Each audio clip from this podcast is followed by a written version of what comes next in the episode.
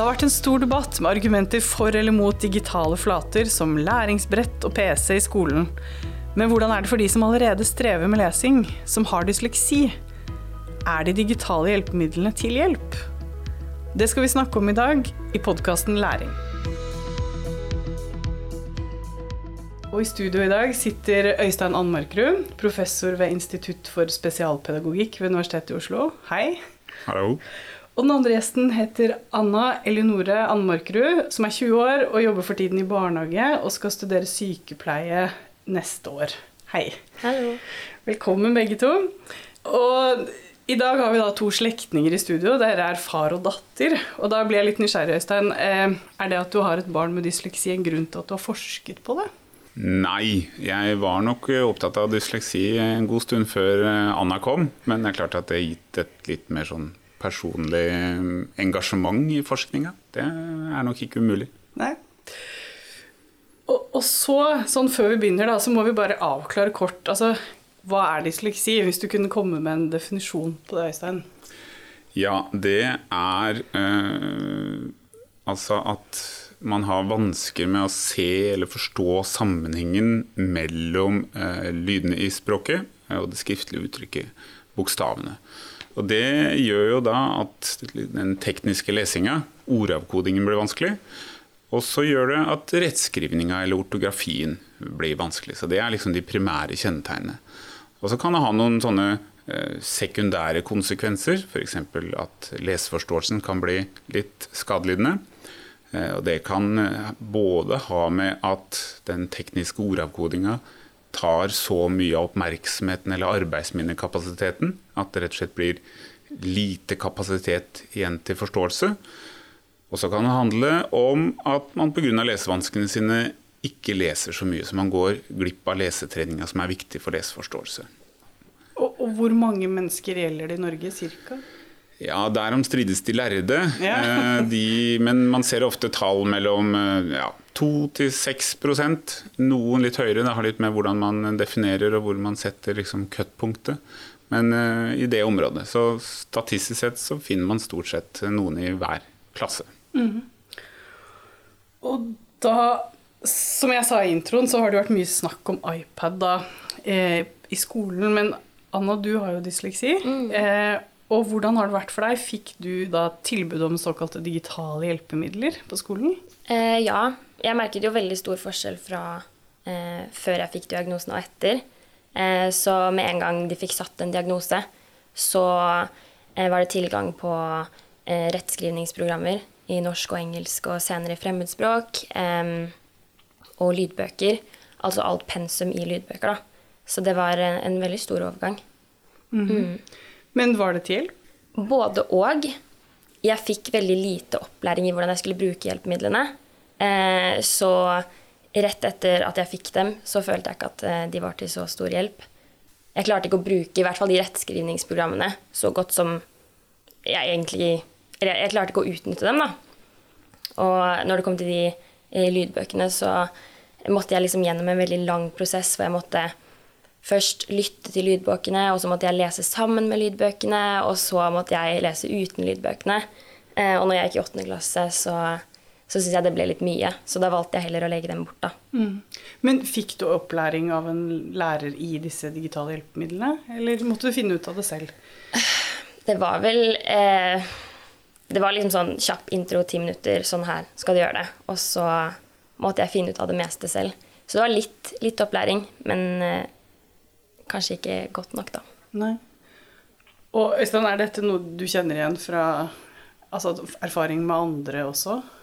Ja, det er, eh, det er en del eh, studier som viser at, eh, at, det er ganske god tilgang på digitale hjelpemidler.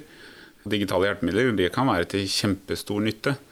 Men det er nok også som ha, mange som har samme erfaring, at man, man får Eh, hjelpemidlene, og så er det kanskje liksom IT-personen eller noen av de teknologiske som gir deg liksom eh, en eller annen innføring i hvordan programvaren virker. Men, men det hvordan å bruke det pedagogisk, eh, der er nok større variasjon. Noen, er, noen, skoler og noen kommuner er kjempegode på det, mens andre steder så er det nok mer å gå på. Mm. Og du Anna, du sa jo at det var stor forskjell for deg når du fikk diagnosen. Mm. Kan du fortelle litt om hvor gammel du var, og hva som gjorde at du fikk diagnosen, og hvordan det var for deg? Ja, eh, det var jo veldig tydelig fra egentlig første klasse av at jeg, eh, jeg hadde litt ekstra utfordringer, da. Eh, og det var noe som de snakket om både hjemme og på skolen. Eh, men så kom det til et punkt hvor, eh, hvor man merket at alle andre begynte å knekke både rettskrivningskoden, men også det når vi gikk fra det å lære å lese til at vi skulle lære av lesingen, da. At jeg falt, falt veldig bak, da. Eh, men det var ikke før i syvende klasse at vi eh, at skolen satte opp en utredning, og jeg fikk diagnosen. Eh, og for meg så føltes jo det som en veldig lettelse, egentlig. For jeg hadde jo gått rundt og følt meg veldig dum og vært veldig frustrert fordi jeg skjønte ikke hvorfor alle klarte ting som jeg ikke klarte, da. Eh, og jeg, det, det, var jo alt fra det at jeg måtte sitte med gloser og, eh, og øve ord hele uka. Og øvde og øvde. Satt på, på, kjøkkenet med pappa i mange timer og gråt av frustrasjon. Eh, og allikevel så fikk jeg alltid, alltid masse skrivefeil og fikk beskjed om at jeg måtte øve mer. med helt andre ting, som at jeg eh, F.eks. på barneskolen når vi hadde Hemmelig venn, hadde liksom brukt kjempelang tid på å lage denne fine tegningen til min hemmelige venn. Uh, og lagt den på pulten hennes og ventet på at uh, hun skulle se den. da. Og så leste hun det som sto der, og så ropte hun ut i hele klassen jeg vet hvem min hemmelige venn er. Det må være Anna. For hun er den eneste i klassen som ikke vet at venn skrives med to ender. Oh. og hun mener jo absolutt ikke noe vondt med det. Men uh, det er jo sånne ting som setter seg hos et barn. da. Mm. Så det var veldig lettende å vite at ok, det er faktisk noe som er galt der. Det er ikke bare at jeg, jeg er dum, da. Mm. Eh, ja, takk for at du deler Anna så personlig. Jeg skjønner at det må ha vært tøft. Og så tenker jeg jo at du har jo kommet godt ut av det. Du kom ut med et godt vitnemål fra videregående, og du skal begynne å studere til høsten. Hva, hva tenker du om det? Altså, eh, det som jeg synes er viktig å få frem, er jo at eh, det fins jo veldig mange ulike grader av dysleksi. Eh, og jeg vet at det er veldig mange som sliter mye mer enn det, det jeg har gjort. Eh, og jeg har vært veldig heldig på hjemmefronten at jeg har hatt foreldre som har, har, hjulpet meg mye, og jeg har hatt lærere som har tatt meg seriøst og tilrettelagt for meg. Um, og hva skal jeg si? Jeg føler jo at jeg har klart å bruke dysleksien på en positiv måte, da. Uh, og selv om man må jobbe hardere enn alle andre, så har jeg hatt en litt sånn indre drive at da skal jeg i hvert fall vise dem at, at jeg klarer det, og at uh, det ikke har noe å si på hvordan, hvordan, jeg skal eh, leve mitt liv, og hva jeg har lyst til å oppnå, da. Mm. Mm. Ja, og, og forskninga viser jo at, at det er en, en, veldig stor heterogenitet, eller variasjon, blant de med dysleksi. Det kommer i ulike alvorlighetsgrader. Eh, og det går eh, veldig bra med veldig mange. Eh, og mange tar, eh, studerer, så det er ikke liksom Eh, at, det er nok litt sånn viktig å formidle det der at, at liksom, eh, Det er ikke noe sånn at eh, håpet er ute, men det er klart at, at mange av disse ungene eh, føler nok at det er urettferdig at de må jobbe så, så uendelig mye hardere. Og det er kanskje viktig at også skolen er litt mer obs på at det er ikke noe, det noe quick fix. Enten vi snakker om, om teknologi eller mer tradisjonelle liksom, former for spesialundervisning. Det er, det er, hardt arbeid for eleven, og det er hardt arbeid for uh, lærerne. Og mange tilfeller også hardt arbeid for, for foreldrene. Uh, og Det skal man også være, være ærlig på. Men at, at, det er stor heterogenitet. Mm. Og apropos det med quick fix, da, tilbake til det med digitale hjelpemidler. Um, for det har jeg forstått at det er et begrep som er Eh, som handler om dette med multimedialæring. Kan du forklare litt hva er det i denne sammenhengen her? Ja, altså den liksom, akademiske definisjonen ja. av multimedialæring, det er jo eh, kombinasjonen av to eller flere representasjoner, som vi sier da. Eh, en representasjon kan være tekst, og det kan være bilde, og det kan være video. Og mange andre ting. Eh, og skolen har jo for så vidt vært multimedial i sikkert de 60 siste åra. De fleste lærebøker har en kombinasjon av tekst og bilder. Det er to representasjoner. Men det har jo selvfølgelig blitt eh, mye mer aktualisert gjennom eh, altså det digitaliserte klasserommet og eh, ulike elektroniske enheter, hvor multimedialæring i dag handler om filmer, animasjoner og podkaster. Kombinasjonene er så uendelig mange flere. Og det er ganske god forskningsmessig dokumentasjon for at det å kombinere eh, tekst med noe annet gir bedre læring enn tekst eh, alene. Og det har også vært en, en sånn idé i, eh, i, en del av litteraturen om at, at, multimediale hjelpemidler eh, vil være en fordel for de som strever med å lese. fordi at okay, Hvis lesing er vanskelig, så, så kan du finne, finne, en film, eller du kan finne ja, Få en form for forståelsesstøtte da, eh, ved hjelp av liksom, andre representasjoner enn tekst. Så det, det har vært en sånn idé. Og så er jo paradokset da at, at det er veldig få som har forska på det. Det er en kjempestor forskningslitteratur på dysleksi, og det er en kjempestor forskningslitteratur på multimedialæring, men det er en forbløffende liten litteratur på eh, hvordan elever med ulike typer lærevansker, f.eks. dysleksi, håndterer denne digitale og multimediale virkeligheten som preger klasserommet i dag. Hva, ble jeg nysgjerrig. Hva tror du er grunnen til det? da? At det ikke har blitt forska på det? Nei, altså Det handler nok dels om at veldig mye dysleksiforskning går på den tidlige lese- og skriveopplæringa. Det er ganske naturlig. ikke sant? Som jeg sa innledningsvis, så er jo de primære kjennetegnene er ordavkodingsvansker og rettskrivning. Altså den litt mer den tekniske sida av, lesing og skriving. Og dermed er det ikke så unaturlig at liksom en stor forskningsinnsats har vært satt eh, inn der. Dette med forståelsesvansker er jo mer en, en sekundær vanske knytta til dysleksi. Så Sånn sett så, så, kan det ha noe med hva skal vi si, dysleksien sjøl. Uh, og hvorfor de som har vært mer opptatt av multimedialæring, ikke har forska uh, eh, så mye på de som i utgangspunktet strever med noe, det har jeg ikke noe veldig, veldig godt svar på. Det kan nok delvis ha med at sant, forskning henger nesten alltid etter pedagogisk praksis. Og i hvert fall når vi snakker om det digitaliserte klasserommet. Fordi at den utviklingen har gått så enormt fort. Og så driver forskerne og legger stein på stein på stein og beveger seg mye saktere. Så det er på ingen måte eh, forskning som har vært drivende for den digitaliseringa av klasserommet. Det er mer at forskerne har på en måte prøvd å henge på. Så det er vel noen mulige forklaringer på det. Mm. Men Øystein, dere har jo, du har vært en del av en forskergruppe som har forsket på nettopp dette med da, digitale hjelpemidler og multimedial læring. Kan, for, kan, du fortelle hva dere fant? Ja, vi, vi har gjennomført noen studier eh, sammen med Anette Andresen, en tidligere stipendiat, og, og Ivar Bråten. Hvor vi har sett på hvordan elever med dysleksi eh, håndterer eh, denne multimedia-virkeligheten. Eh, og vi fant jo noen litt sånne interessante funn. Eh, måten vi gjorde det på, det var en eksperimentell studie hvor vi lagde et kunstig lite internett, hvor hver nettside inneholdt tekst og bilder og videoer og animasjoner og den type ting. Og vi tenkte jo oss da at disse dyslektikerne kanskje ville liksom bruke eh, informasjonen fra, fra videoene og bildene mye mer enn fra teksten. Eh, når de skulle skape liksom en forståelse eh, om et tema. De leste nettsider om et naturfaglig tema, soling og helse. Dette var ungdomsskoleelever, de gikk i 10. klasse. Og da så vi at øh, Og så sammenligna vi det, det med en, en, gruppe elever som ikke hadde noen spesielle vansker.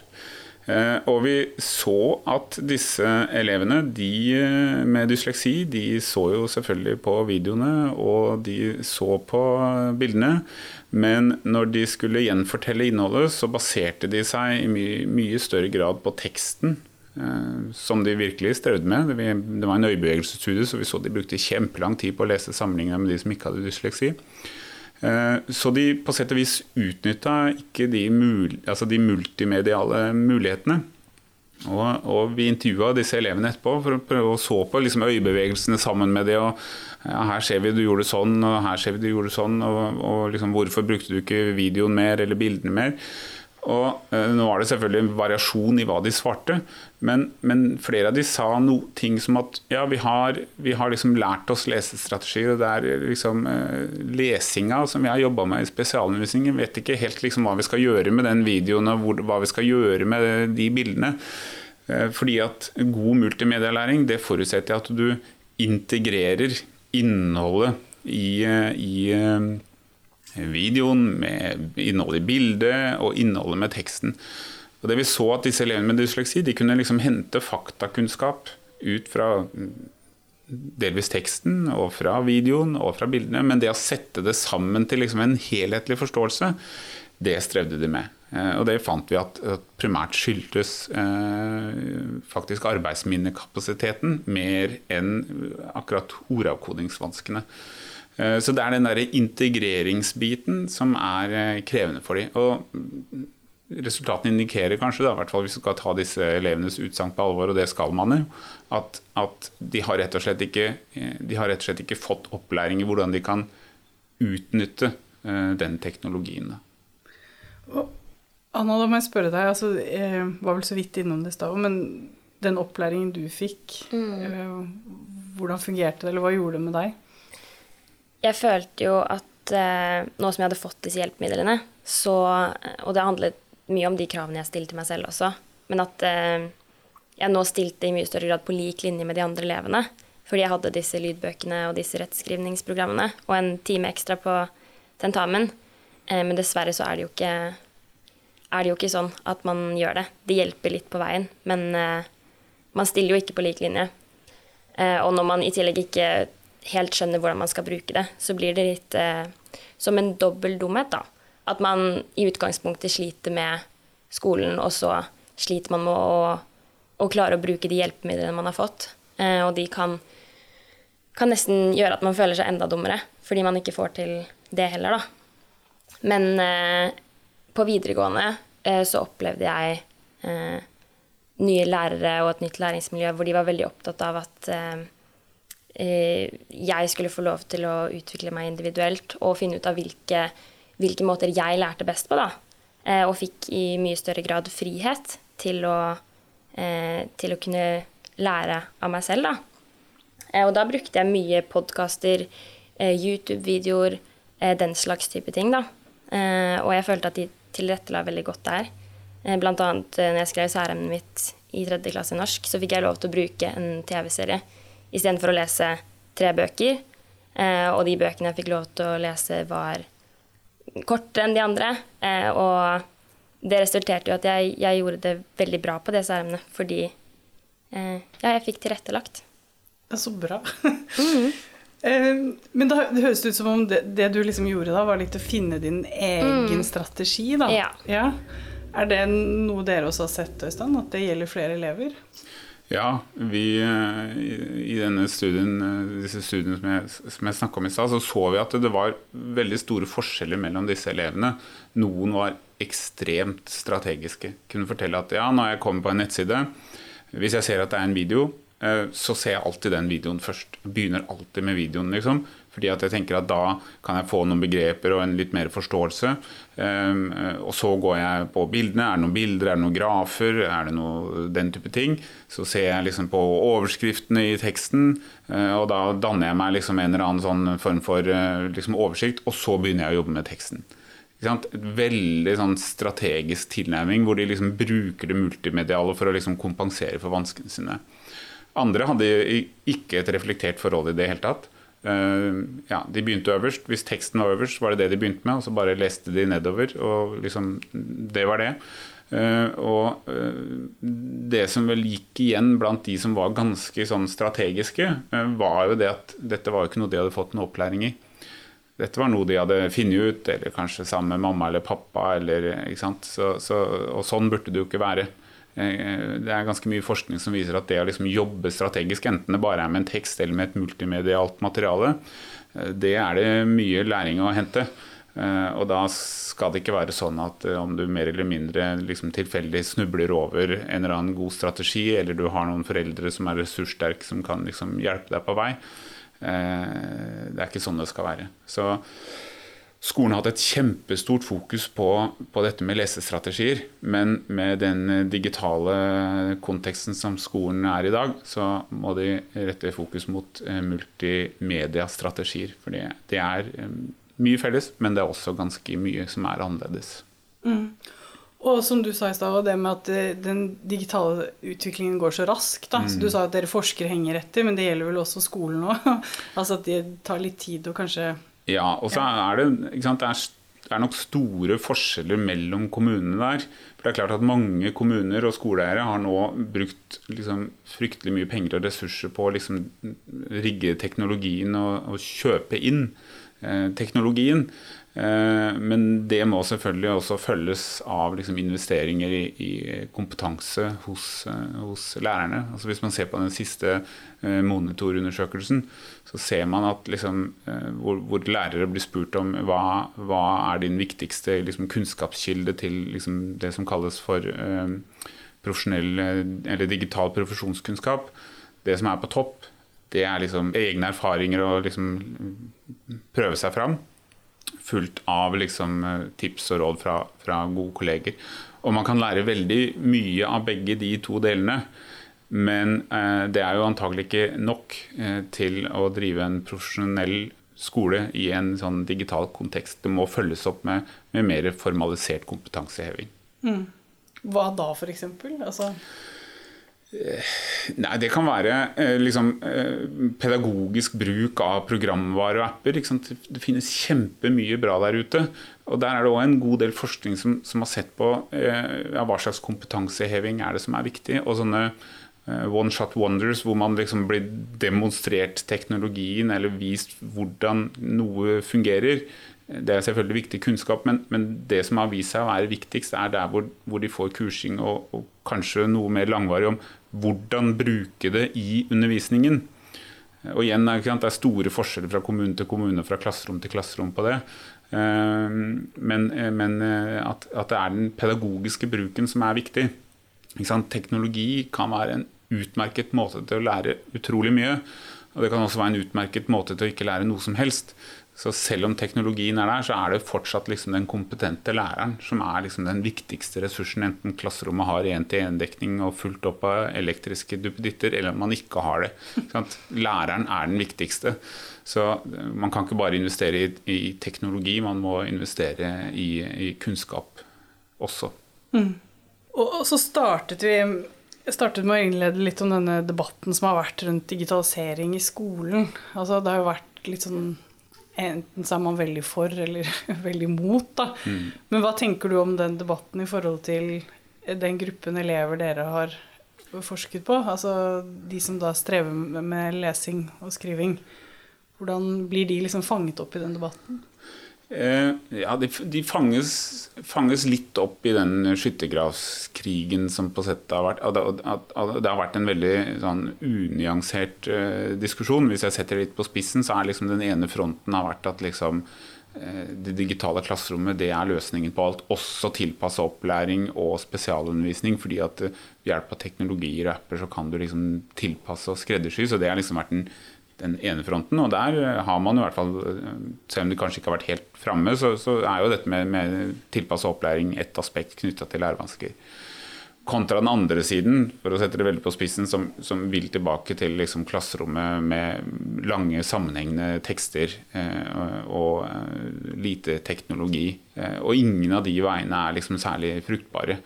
Man kan diskutere så mye man vil. Er, liksom, er det bedre å lese på papir eller på skjerm? Ja, Det kan vi diskutere så mye, og det har vært diskutert mye de siste åra.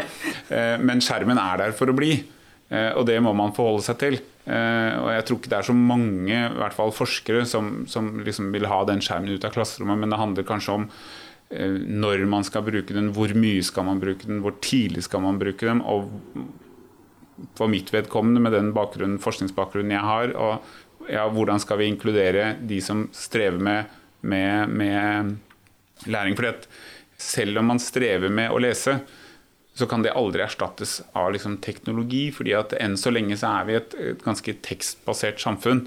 Og de helt sånn grunnleggende lesetekniske prosessene det er akkurat de samme enten man leser på skjerm eller papir.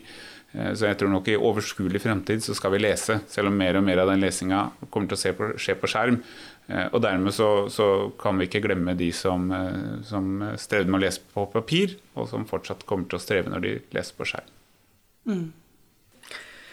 Ok, da nærmer vi oss slutten på denne episoden. Og da tenkte jeg, Vi pleier jo ofte å spørre folk til slutt om de har noen tips og råd til foreldre og lærere, eller de som selv har dysleksi i dette tilfellet her. Anna, har du noe du vil si? Ja, jeg tenker at eh, det viktigste man kan gjøre som, som lærer, da, er å ta barna på alvor tidlig. Og at man ikke nødvendigvis trenger en eh, diagnose før man starter eller setter i gang tiltak. Da. Eh, jeg hadde jo eh, lese- og skrivevansker lenge før jeg fikk diagnosen min i, i 7. klasse. Eh, og de startet med tiltak tidlig, og det det hjalp jo veldig for meg, selv om jeg ikke fikk alle digitale hjelpemidler før i 7. klasse. Men ja, at det er viktig å ta, ta barna på alvor tidlig, eh, og at man tar opplæringen med de digitale hjelpemidlene tidlig og grundig, da. Så barna, barn og ungdommer slipper å føle seg eh, dobbeltdumme, da. Ja.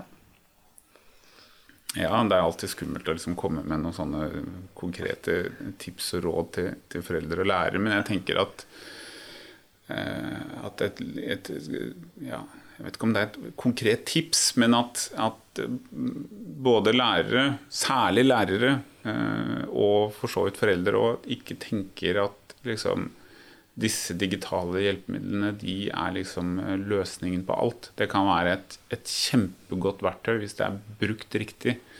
Og hvis elevene får eh, kunnskap i hvordan de skal bruke det, og lærerne får kunnskap om hvordan de skal integrere det i undervisningen, så er det kjempeviktig. Og så er det, tenker jeg at det er viktig at skolen eh, og da sier jeg bevisst skolen og ikke lærere, fordi at her er det skoleledere som har et ansvar.